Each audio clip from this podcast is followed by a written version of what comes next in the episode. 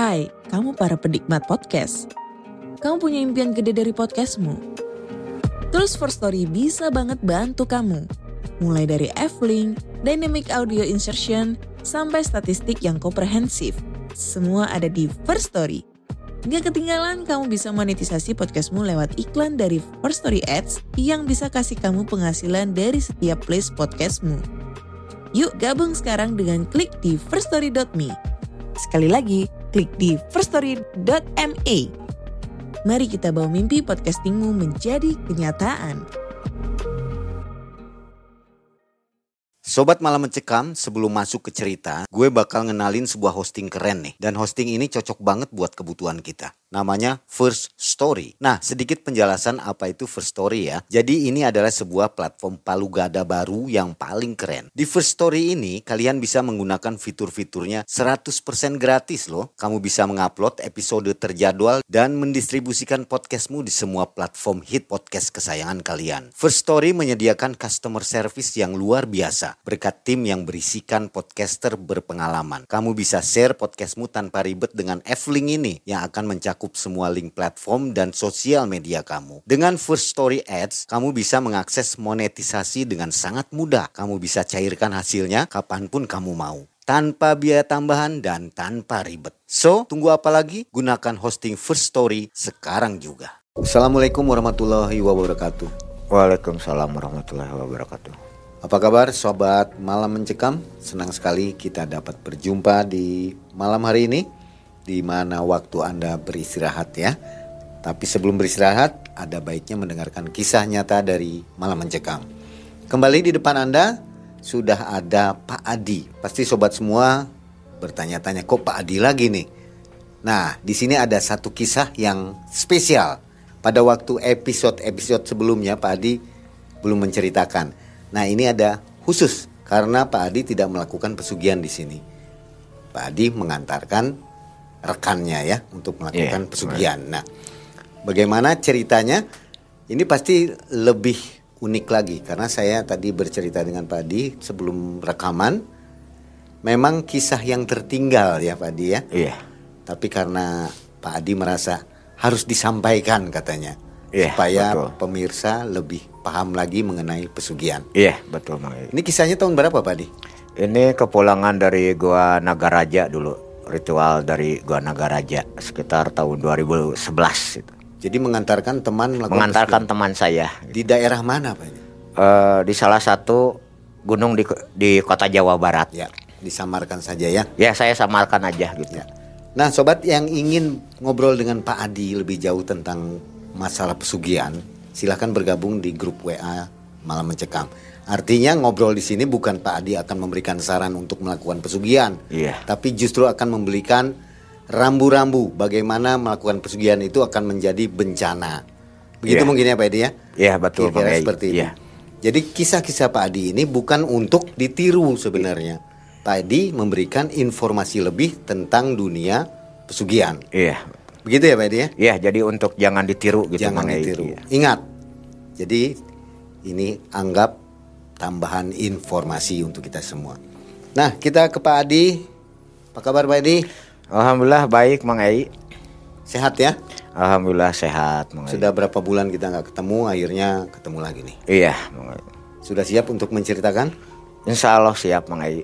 Sebelum kita ngobrol Pak Adi, Gimana di grup WA banyak yang bertanya tentang apa nih? Iya banyak uh, yang japri saya menanyakan mayoritas itu menanyakan bentuk-bentuk pesugihan.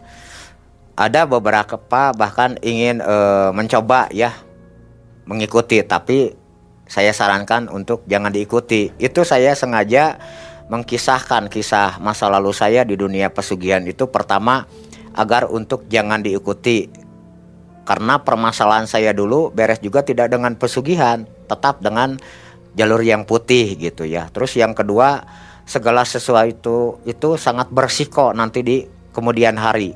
Pasti ada resiko. Dan yang ketiga, diutamakan kita mencari jalan lah toh jalan yang putih masih banyak untuk uh, kita ambil dan kita ikuti pelajari jangan sampai turun ke dunia pesugihan karena yang namanya dunia pesugihan itu tetap berujung malapetaka pada akhirnya ya. dan penyesalan. Nah, tuh sobat ya, jadi selamat mendengarkan kisah ini dan mudah-mudahan Anda semua tersadarkan dari masalah keinginan untuk melakukan pesugihan mungkin gitu ya Pak Edi. Iya. Silakan Pak Edi ceritanya.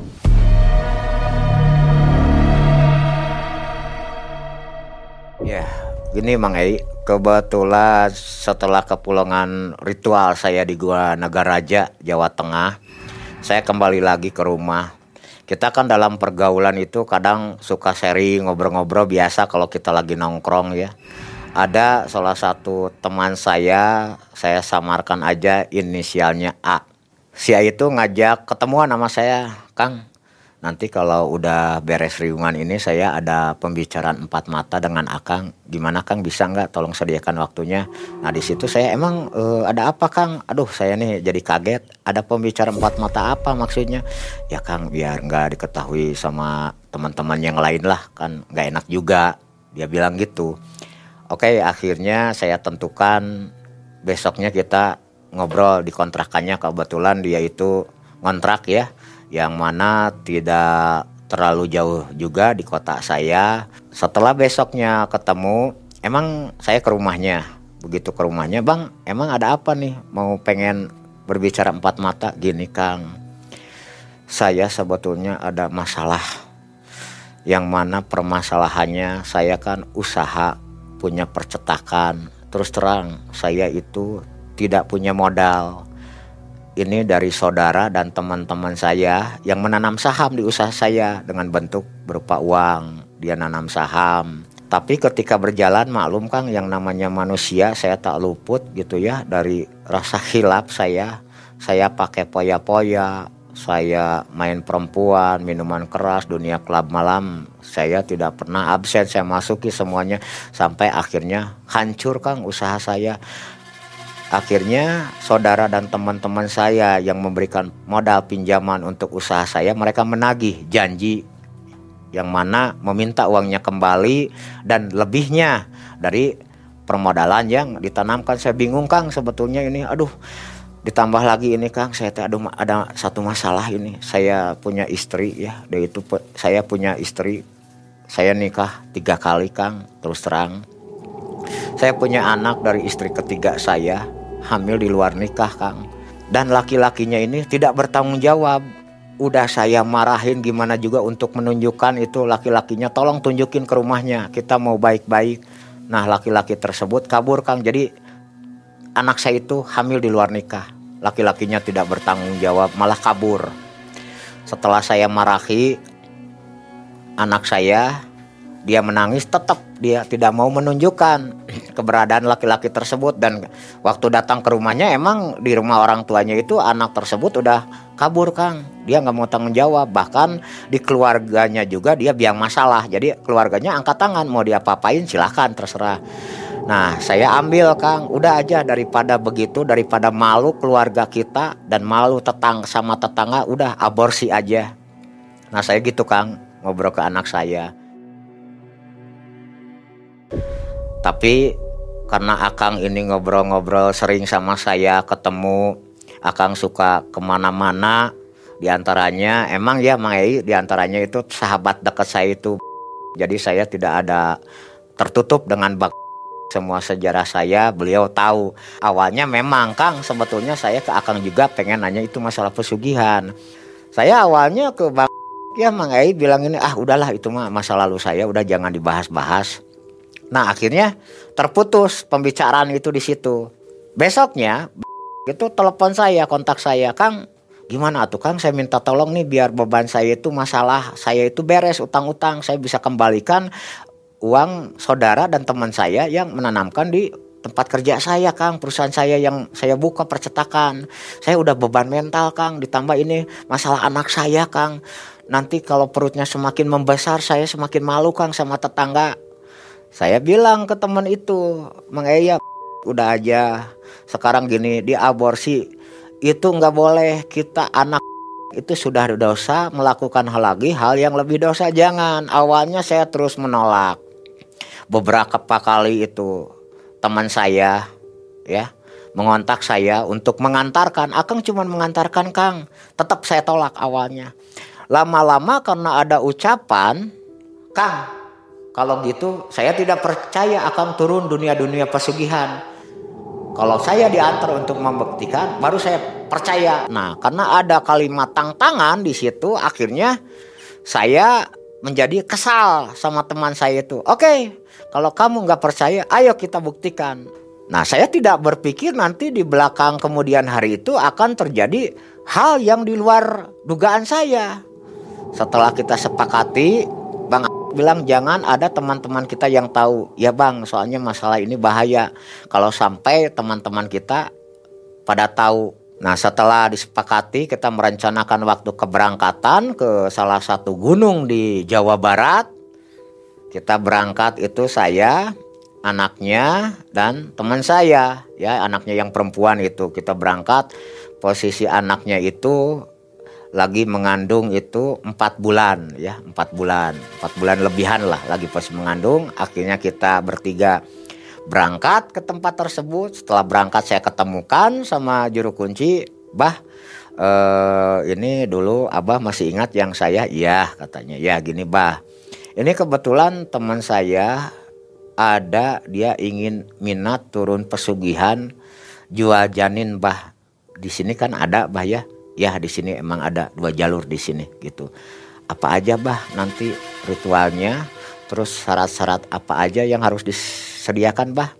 Sok aja bah langsung ngobrol ini sama teman saya langsung.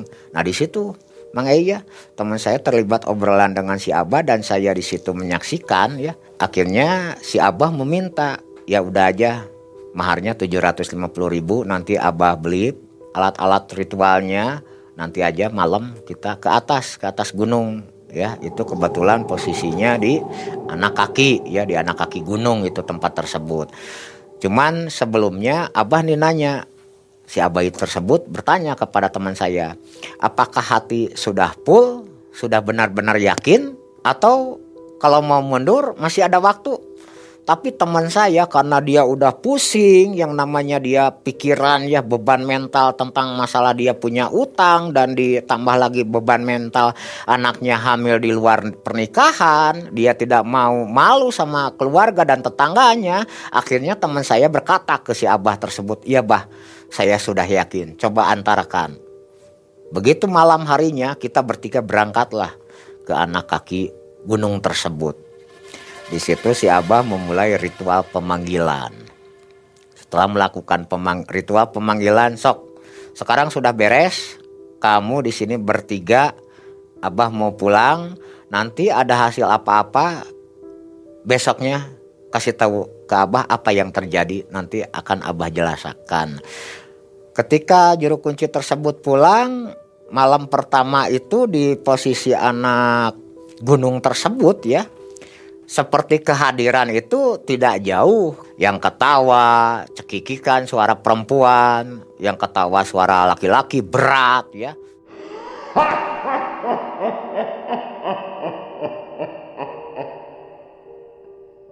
Yang mana saya karena pengalaman dulu di dunia pesugihan yang banyak turun saya anggap hal itu seperti hal biasa aja. Tapi untuk anaknya teman saya ini dia menggigil ketakutan sambil saya pegang kebetulan kan anak perempuan teman saya itu posisinya di tengah saya di arah kiri dan teman saya di arah kanan saya pegang. Teh diam. Kan teteh udah berbicara kita sebelum turun ke sini apa pun yang terjadi teteh sudah siap. Ketika datang godaan-godaan tersebut itu masih ber, bersifat suara. Tidak ada yang namanya sosok penampakan itu tidak ada. Malam pertama. Kita lanjut besoknya di malam kedua ya jadi ketika posisi siang dan malam, posisi kita itu tidak keluar dari area, masih di situ. Nah, memasuki malam yang kedua, di tengah kegelapan malam, entah jam berapa saya nggak tahu ya, menjelang tengah malam lah pokoknya. Mulai di situ tiba-tiba ada suara yang berjalan di belakang saya, berjalan. Dep seperti begitu. Setelah berjalan, berjalan posisi kita bertiga juga agak ada semacam gempa kecil gitu ya bergetar. Nah setelah itu tiba-tiba anaknya teman saya itu langsung memegangkan posisi tangan ke saya kerak begini ke tangan saya dan saya rasakan mungkin ada sesuatu ini yang terjadi ya ke anak teman saya itu karena dia memegang tangan kanan saya itu erat banget seperti rasa yang orang ketakutan gitu. Cuman saya pegang lagi saya kasih saran teh sambil mata terpejam. Pejamkan mata kalau seteteh nggak kuat diem aja. Jangan sampai mengucap kalimat Allah gitu karena kan sebelumnya selama juru kunci itu kita diberikan saran selama berada di area tersebut jangan mengucapkan kalimat-kalimat Allah karena akan mengalami kegagalan pada akhirnya setelah saya kasih saran teman saya itu diem. Teh nanti aja besok aja ceritakan. Sekarang diem aja pokoknya. Teteh melihat apa pun atau mendengar apa pun diem pok. Kalau tidak kuat mata tertutup. Saya kasih saran begitu mengenai ke teman ke anaknya teman saya itu. Tiba-tiba di arah kanan itu ya di arah kanan kan ada pohon gitu. Ada pohon di arah kanan itu kanan saya itu. Ada suara mendesis desis ya suara seperti ular lah yang saya tahu. Dia datang saya lihat begini emang itu ular sangat besar sekali ya dengan hampir setinggi pohon kelapa eh itu ular ular besar.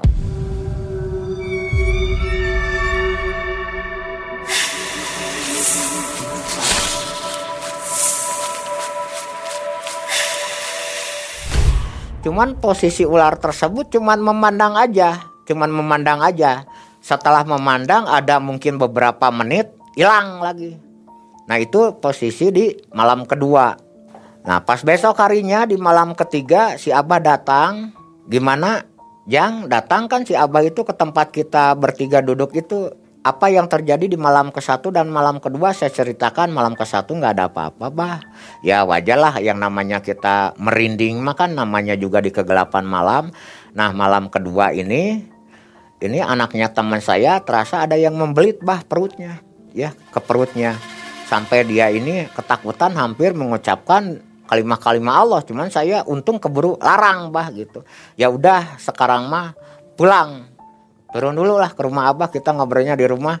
Nah akhirnya kita dari anak kaki gunung tersebut kita turun ke rumah si abah. Coba ceritakan. Nah akhirnya kita di, kita itu di situ ngobrol termasuk anaknya teman saya menceritakan bahwa di posisi malam kedua itu terasa ada yang membelit ke perutnya seperti seekor ular gitu. Terus si abah itu berbicara nah sekarang gini aja. Kamu bertiga pulang dulu. Nanti kalau ada apa-apa ke sini lagi Bah ini saya saya di situ langsung bertanya ke si Abah, Bah ini saya jadi bingung. Ini saya melihat menyaksikan sosok yang ular besar itu tidak berkata apa-apa, tidak berbicara, Bah cuman menatap. Terus Abah menyuruh pulang. Jadi ini kelanjutan dari proses transaksi jual janin ini gimana, Bah? Ya nanti tinggal ke sini lagi. Kamu setelah pulang dari sini, jarak satu bulan, malam Jumat Kliwon, kamu datang lagi ke sini karena di sini nggak ada yang instan, jang. Si Abah itu berkata begitu, Mang Hei.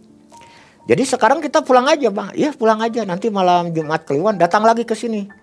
Jadi kalau datang lagi ke sini, kita bertiga lagi, Bah. Enggak, berdua aja, berdua aja dulu. Kan yang perlunya itu anaknya teman saya, Bah, yang mau jual janinnya. Enggak, pokoknya kamu sama teman kamu datanglah ke sini berdua. Soalnya apa? Ada yang mau Abah bicarakan. Bukan saatnya untuk berbicara saat ini. Nah, akhirnya kita bertiga pulang. Setelah pulang, teman saya itu ngomong sama saya, "Kang, ini kira-kira benar enggak? Emang kehadiran itu ada?" Tapi kok yang namanya itu sosok ular itu nggak berbicara kok cuman menatap. Saya juga sempat merinding Kang. Kirain dia itu mau mendekat. Cuman dia melihat aja.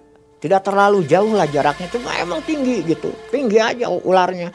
Yang mana Kang saya seumur hidup belum pernah menyaksikan kehadiran sosok gaib begitu mengenai kata teman saya. Ya kan saya juga nggak tahu. Soalnya apa masalah jual janin ini saya pertama belum pernah mengalami Kedua, saya tahu informasi tersebut ya karena berdasarkan informasi dari juru kunci tersebut bahwa di tempat itu ada dua makhluk yang mana sosok ratu tersebut di antaranya salah satunya bisa kita menjual janin kepada salah satu jin penunggu di anak kaki gunung tersebut dengan sosok ya ular besar begitu Kang. Saya gituin ke teman. Kadang saya juga ini percaya nggak percaya sih. Masa sih benar ada yang namanya jual janin gitu kan? Cuman kan saya mengantarkan kamu itu itu percakapan saya dengan teman ya Mang kan saya cuman mengantarkan kamu nih Kang dengerin. Sebetulnya saya itu tidak mau mengantarkan kamu. Saya udah kapok dengan perjalanan-perjalanan saya yang sudah-sudah. Tapi karena kamu berbicara bahkan menantang saya untuk membuktikan akhirnya saya tertantang. Makanya kamu saya antar jadi saya tidak tahu itu jenis jual janin apakah benar ada atau tidak. Begitu saya bilang ke teman ya udahlah kang gini aja sekarang mah kita lihat posisi bulan depan ya. Nanti kan ada malam Jumat Kliwon sesuai pesan si Abah kita datang aja kan ke sana. Ya ayo Nah setelah masanya tiba itu malam pada bulan depan pas begitu malam Jumat Kliwon kita berangkat ya dari kota Bandung itu siang menuju ke sana ke rumah si Abah kita nyampe hampir maghrib. Bah ini sesuai pesan Abah saya dan teman saya sudah datang. Kenapa Abah memanggil kita berdua anak teman saya kok tidak dibawa. Kan yang mau jualnya itu anaknya teman saya. Lalu si abah tersebut berkata gini Jang sebetulnya kenapa abah memanggil kamu berdua? Karena nanti proses pengambilan janin tersebut ya kalau abah bicarakan ada anaknya takut ketakutan ini anak teman saya Makanya sengaja Abah berbicara untuk melakukan pros untuk melakukan aturan-aturan atau tata cara. Jadi kalau nanti janinnya meninggal, nih kamu ke teman saya juru kunci itu bilang si Abah, kamu udah tahu dan jangan sampai uh, kamu itu membaca kalimah-kalimah atau bentuk apa pun setelah meninggalnya janin tersebut, ya. Jadi kalau gimana lah caranya bawa ke rumah saudara atau gimana caranya supaya dalam posisi meninggalnya itu jangan langsung di rumahnya karena bisa ketahuan sama tetangga. Karena kalau sudah dimakamkan jadi istilahnya dimakamkan secara sembunyi-sembunyi gitu mengai saran dari si abah tersebut. Karena ini berkenanya dengan urusannya kan masalah nyawa. Nah terus saya jawab ke si abah bah gini bah emang masalah jual janin ini beneran bisa menghasilkan uang? Karena saya sebelumnya kan tidak tahu bah. Nah, lalu jawaban juru kunci betul di sini akan ada uang dikirim. Karena kita kan itu masuknya jual beli tapi tidak ada ini bah. Tidak ada nanti efek di kemudian hari ke keluarganya ada yang kena kena tumbal atau gimana. Enggak ini kan prosesnya jual beli kata si abah itu. Kita menjual dan bangsa gaib begitu ya jin ratu ular itu yang membeli. Jadi cukup, cukup satu aja. Tumbalnya itu janin. Pelakunya ya tidak terbawa. Siapa pun tidak akan terbawa begitu keterangan si abah. Nah terus sekarang gini gimana bah? Nah itu teman saya ngeyel waktu itu. Bah gini aja ada saya pengen cepet-cepet dapat duit nih bah. Yang tadi abah saya abah katakan saya simak terus ada obrolan tidak langsung instan dapat uang di sini itu gimana? Lalu si abah menjawab yang yang namanya pesugihan itu di mana pun bentuknya tidak ada yang instan hasil di tempat. Semuanya melalui proses. Cuman untuk jual janin ini tidak melakukan ritual puasa mati geni yang sebelum-sebelumnya saya pernah turun. Enggak, itu mah enggak ada puasa-puasaan gitu, cuman kita datang diam aja. Dan nanti ada proses dalam arti proses itu jadi diambilnya nyawa tersebut dalam posisi belum diperut ya masih berbentuk janin itu enggak diambil jadi tetap menunggu kelahiran anak tersebut makanya tadi abah jelaskan ya ke kalian berdua itu kata si Abah. Nanti prosesnya itu nanti ketika diambil menunggu lahir dulu. Nah teman saya ngejel, bah gini aja lah.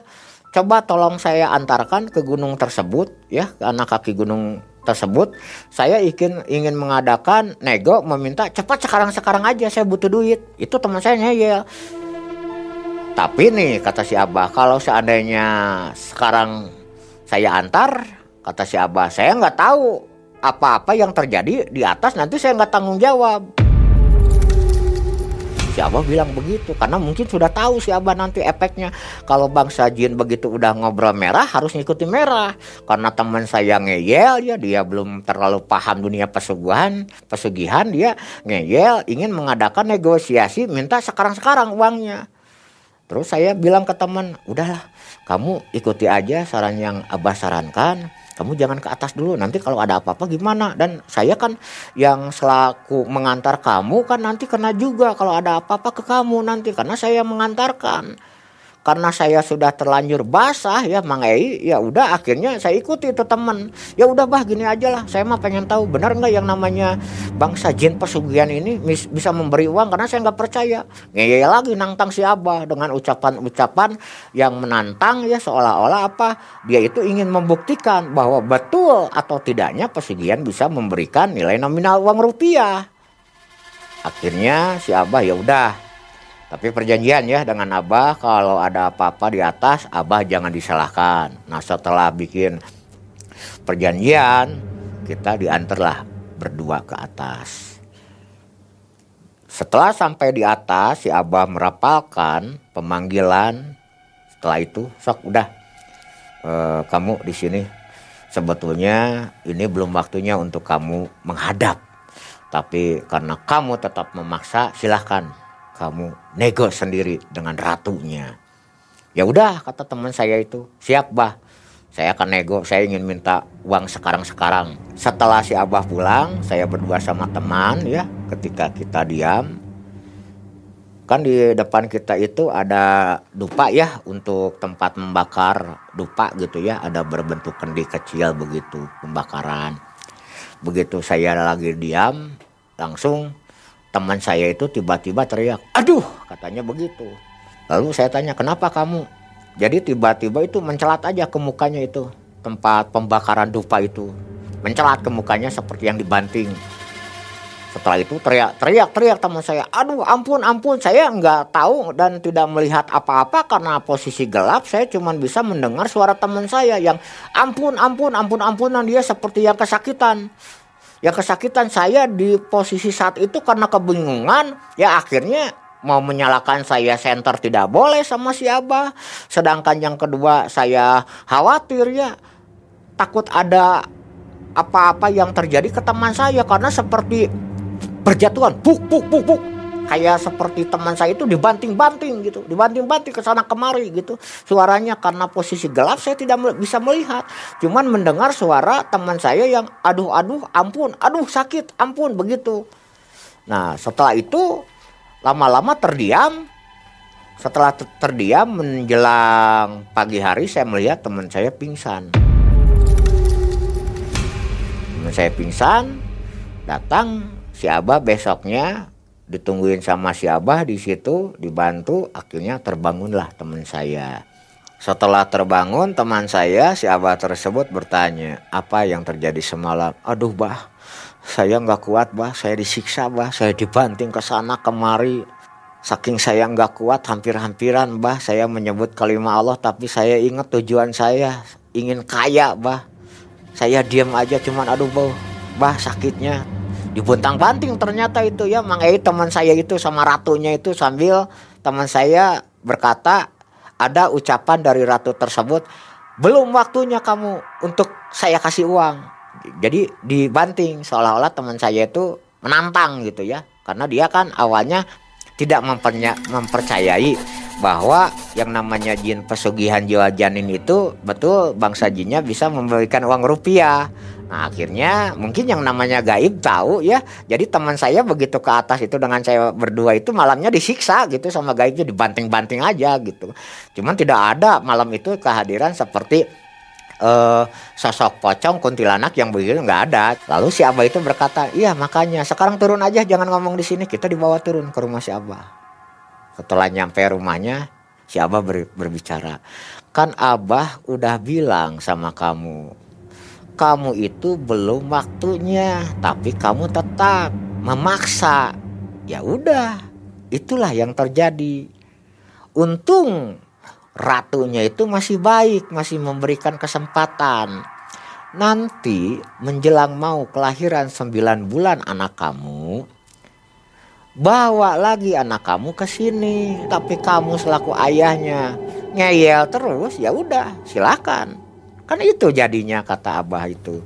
Terus saya ke teman, makanya udah gini aja, Kang udah kamu itu kan nggak tahu saya juga nggak tahu. Ikuti aja kalau keinginan kamu ingin tercapai apa yang dikatakan sama si abah selaku juru kunci di situ ikuti aja. Saya memberikan saran ke teman saya. Ya udah kang saya ikuti aja. Ya udah kan kamu rasa penasaran sudah. Saya sudah antar ke sini. Dan saya juga tidak berpikir di kemudian hari itu ada kejadian yang sangat membuat menyesali ya saya seumur hidup gitu. Beban mental gitu. Mangai saya jadi seperti itu ya biasa aja. Karena mungkin sebelum sebelumnya saya mengalami banyak kegagalan di dunia pesugihan jadi saya biasa aja gitu ya. Biasa aja seolah-olah dalam pikiran dan hati saya masa ma, mana mungkin sih yang na, namanya janin bisa dijual ke makhluk gaib gitu di pikiran saya saat itu. Setelah si abah menyuruh saya pulang nah menjelang posisi dengan berjalannya waktu teman saya ngasih kabar kang ini anak saya sudah berjalan 9 bulan kang. Ya udah saya ke teman saya nanti aja kalau udah pas 9 bulan kita datang ke si abah menanyakan permasalahan ini lagi. Jadi ada beberapa proses gitu ya menunggu kelahiran anak tersebut. Entah kalau di tempat ya yang lain prosesnya seperti apa saya tidak tahu. Yang saya ceritakan proses yang saat itu saya dan teman lagi melaksanakan melakukan ya penjualan transaksi jual janin gitu. Nah, mendekati anaknya 9 bulan, akhirnya kita bertiga datang lagi ke rumah si Abah. Teman saya berkata, Bah, eh, ini anak saya sudah 9 bulan, Bah. Jadi gimana? Nah, si Abah gini berkata, kamu sekarang siapkan sesaji, ya, siapkan sesaji dan anak kamu nanti harus berani memotong anak ayam Lalu si Abah bertanya ke anaknya teman saya itu, gimana nanti Neng berani enggak memotong kepala ayamnya biar disembelih gitu, berani enggak?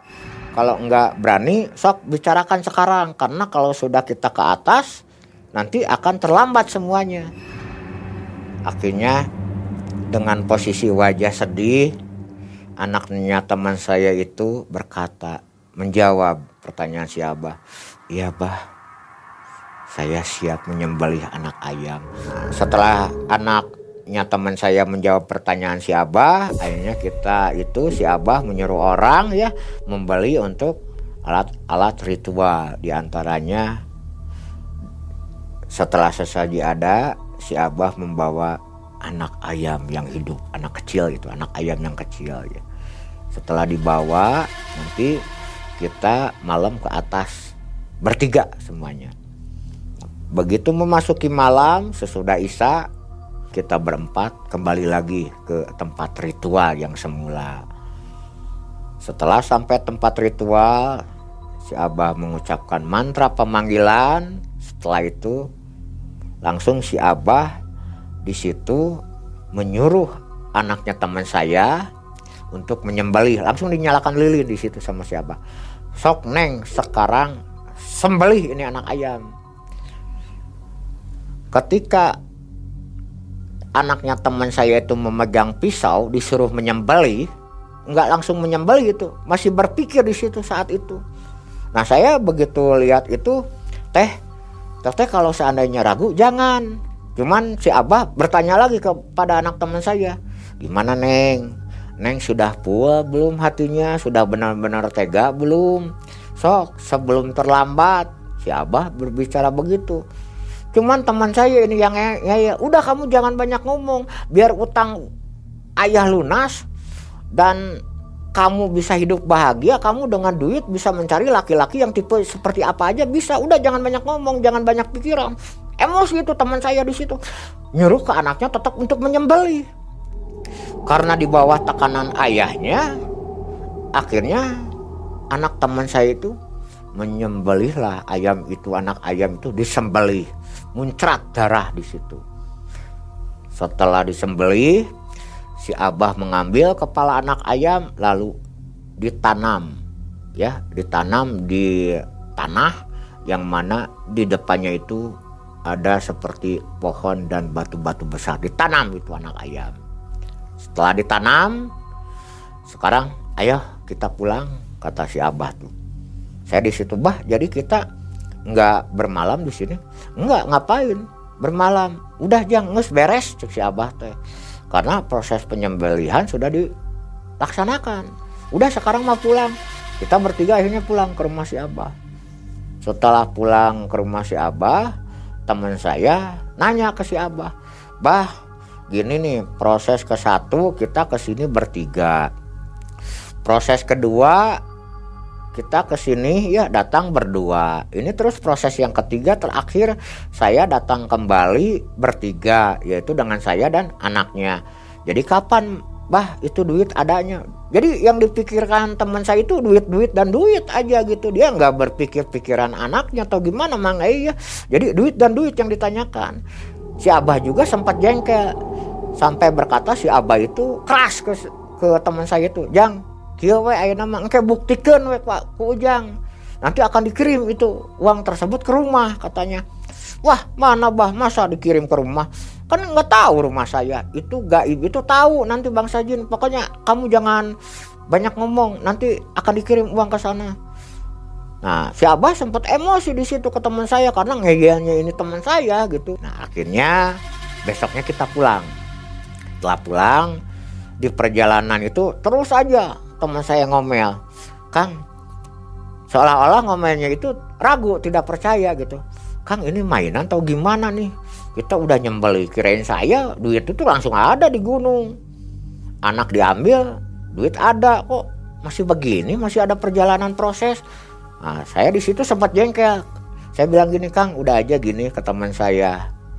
Kamu itu udah saya antar ya udah saya antar. Sekarang ikuti aja kata si abah. Dan saya juga karena saya blank kalau masalah jual janin saya nggak tahu karena saya sebelumnya belum pernah turun di dunia pesugihan jual janin. Cuman saya tahu dari si abah saya juga. Jadi di perjalanan bis itu kita ngomel aja gitu teman saya. Setelah sampai ya udahlah. Setelah sampai di kota Bandung saya berpisah dengan teman saya. Setelah menyembelih anak ayam tersebut dua hari teman saya bilang ya nyuruh saya ke rumah. Akhirnya setelah itu dia mengabarkan mau tinggal lagi di Banten karena usahanya semerawut lah di Bandung. Setelah dia ke Banten tinggal di Banten pertelepon sama saya Kang eh, ini Kang anak saya nggak lama lagi nih lahir Kang cucu saya. Kenapa sih tuh bilang cucu? Ya kan walaupun gimana Kang dia itu kan cucu saya terlahir dari rahim anak saya kata teman saya itu. Tapi gimana nih masalah uangnya? Kok belum ada dikirim? Ya nggak tahu saya jawab begitu ke teman itu. Nah setelah proses kelahiran teman saya telepon ke saya kang ini anak saya sudah melahirkan. Bayi laki-laki. Saya bilang lah syukur atau alhamdulillah kalau sudah lahir.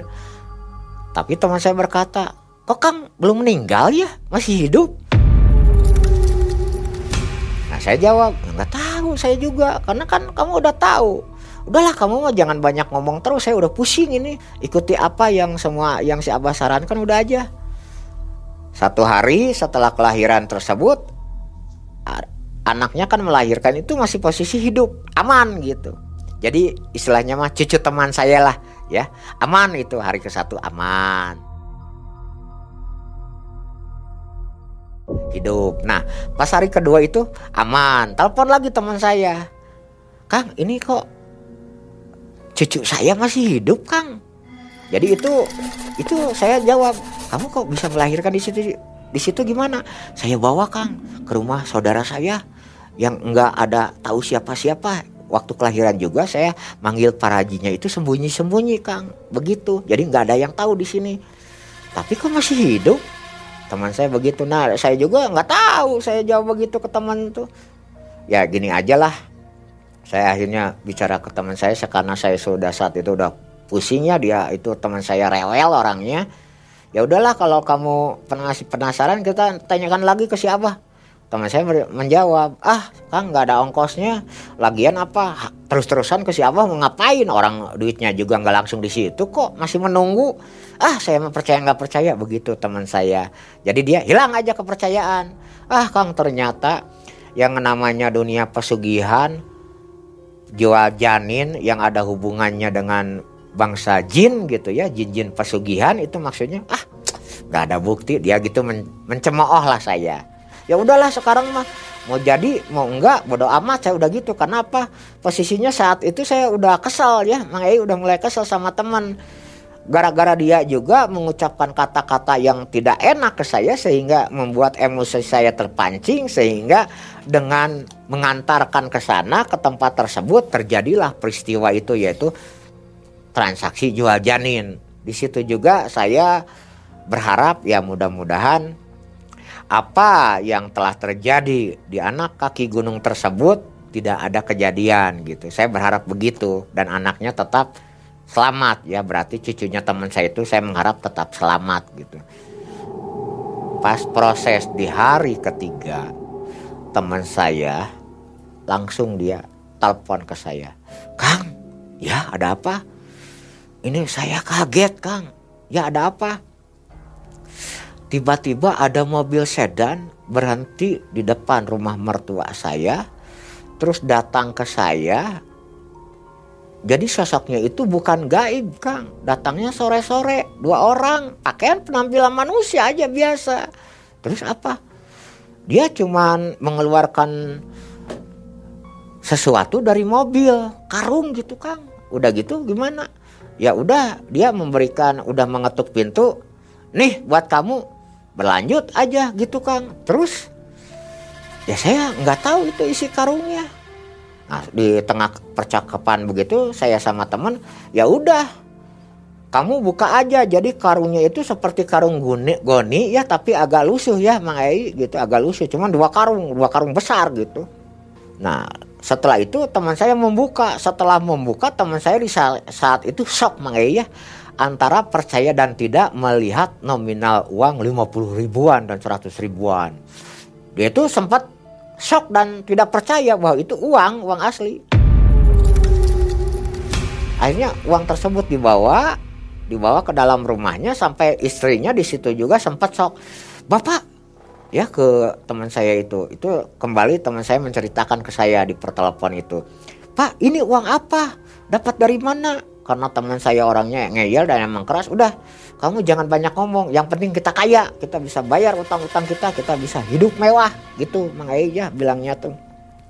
Nah setelah itu teman saya melihat cucunya itu masih hidup. Jadi ketika dikirim uang tersebut posisi cucunya itu masih hidup masih hidup Mang nah pas dia cek keaslian uang tersebut dia belanjakan normal dia belanja ke mana beli apa beli apa normal ada kembalian. Tidak ada keanehan ke uang tersebut. Dan tapi bentuknya itu uangnya rapih ya. Kayak rapi tersusun gitu di dalam karung itu nggak acak-acakan jadi rapi aja gitu. Nah setelah itu pas menjelang hari keempat teman saya telepon Kang ya benar sih ya Kang. Jadi dia, dia bilang itu Kang benar yang namanya jual janin itu terbukti Kang. Uang saya dikirim, dikirimi uang ke rumah. Saya cuma belanjakan dulu sedikit dan ini pas hari keempat Kang. Cucu saya meninggal. Begitu cucu saya meninggal, saya mandikan kan harus dimakamkan secara sembunyi-sembunyi. Begitu saya mandikan, jadi di dada bayi ada tapak lima jari tangan kanan lima jari hijau jadi di dada bayi tersebut meninggal gitu Mang Ai. Nah, ketika mendengar telepon dari teman saya bahwa cucunya sudah meninggal, saya sok di situ Mang Ai ya. Saya sok, aduh, kata saya yang tadinya saya cuman mengantar karena teman saya itu tidak percaya dunia pesugihan tentang jual janin akhirnya terjadilah bahwa yang namanya pesugihan transaksi jual janin itu betul adanya Mang Ayu. Nah di situ saya menyesal gitu ya. Teman saya langsung begini nelpon ke saya itu, Kang bisa nggak kamu ke sini? Kamu pengen uang berapa? Kan kamu juga punya utang. Saya bayarin aja sekalian utang kamu. Sekalian kamu mau saya kasih modal. So kamu minta berapa saya kasih. Emang datang duitnya berapa miliar? Wah pokoknya mah banyak gitu. Saya nggak sempat hitung banyak lah pokoknya. So kamu mau apa? Nah, teman saya di situ berkatanya di telepon itu seolah-olah yang saya rasakan tidak ada penyesalan. Dia seolah gembira.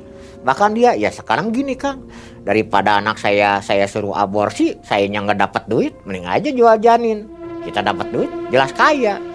Jadi nggak ada penyesalan di pikiran teman itu, teman saya itu melihat dari perkataannya Mang Ei. Tapi di saat itu saya justru yang menjadikan tekanan beban mental ya jadi kalau bukan saya yang mengantar, mengantarkannya, peristiwa tersebut tidak akan terjadi. Teman saya beberapa kali mau memberikan sejumlah uang kalau saya mau menyebutkan, tapi saya jawab, Kang, maaf, saya tidak mau menerima uang darah cucu kamu di situ. Saya menolak Mai karena saya nggak mau ya memakan darah orang lain kan dari awal juga. Jangankan darah anak orang lain, anak saya sendiri juga nggak mau saya. Kecuali kalau dengan umur saya sendiri baru gitu. Saya tolak itu karena saya nggak mau memakan darah anak orang karena saya dengan mengantarnya juga sudah berdosa. Nah setelah saya menolak teman saya ya udah Kang kalau misalkan Akang tetap menolak mah saya nggak bisa memaksa. Cuman gini kita ke sana ke si Abah. Mau ngapain kata saya ke si abah. Ya saya mau memberikan uang memberikan uang ke si abah. Nah akhirnya datanglah teman saya ya datang. Tapi penampilannya berbeda ya berbeda Mai dia langsung Kang ini saya udah di depan. Kebetulan ke arah rumah saya kan tidak masuk mobil ya. Mai ke kontrakan saya itu tidak masuk mobil dia menunggu di jalan. Saya akhirnya berjalan ke depan.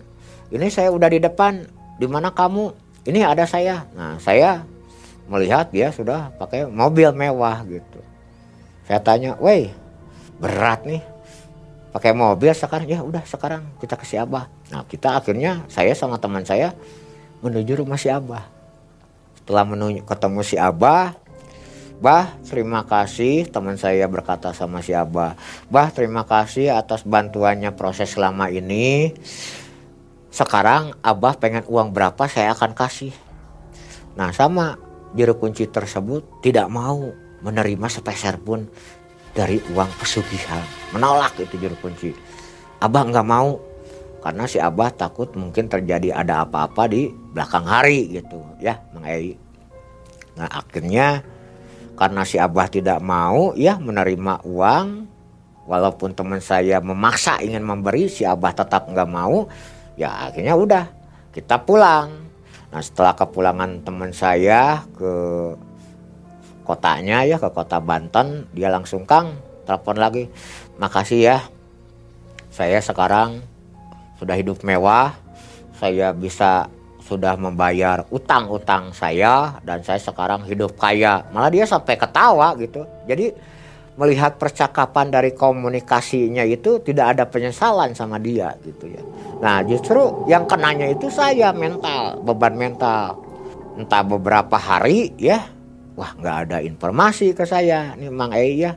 Cuman laporan terakhir itu dari teman saya, dia menyatakan dia percaya pesugihan jual janin itu ada dan dia berhasil ya tapi tidak ada tumbal nyawa keluarganya yang lain yang kena jadi cuman hanya tumbal janin cucunya aja gitu Mang Ei. Nah beberapa hari ke depannya begitu saya kontak lagi tem nomor teman saya sudah tidak aktif gitu Mang Ei. Sampai detik saat ini ya Mang Ei saya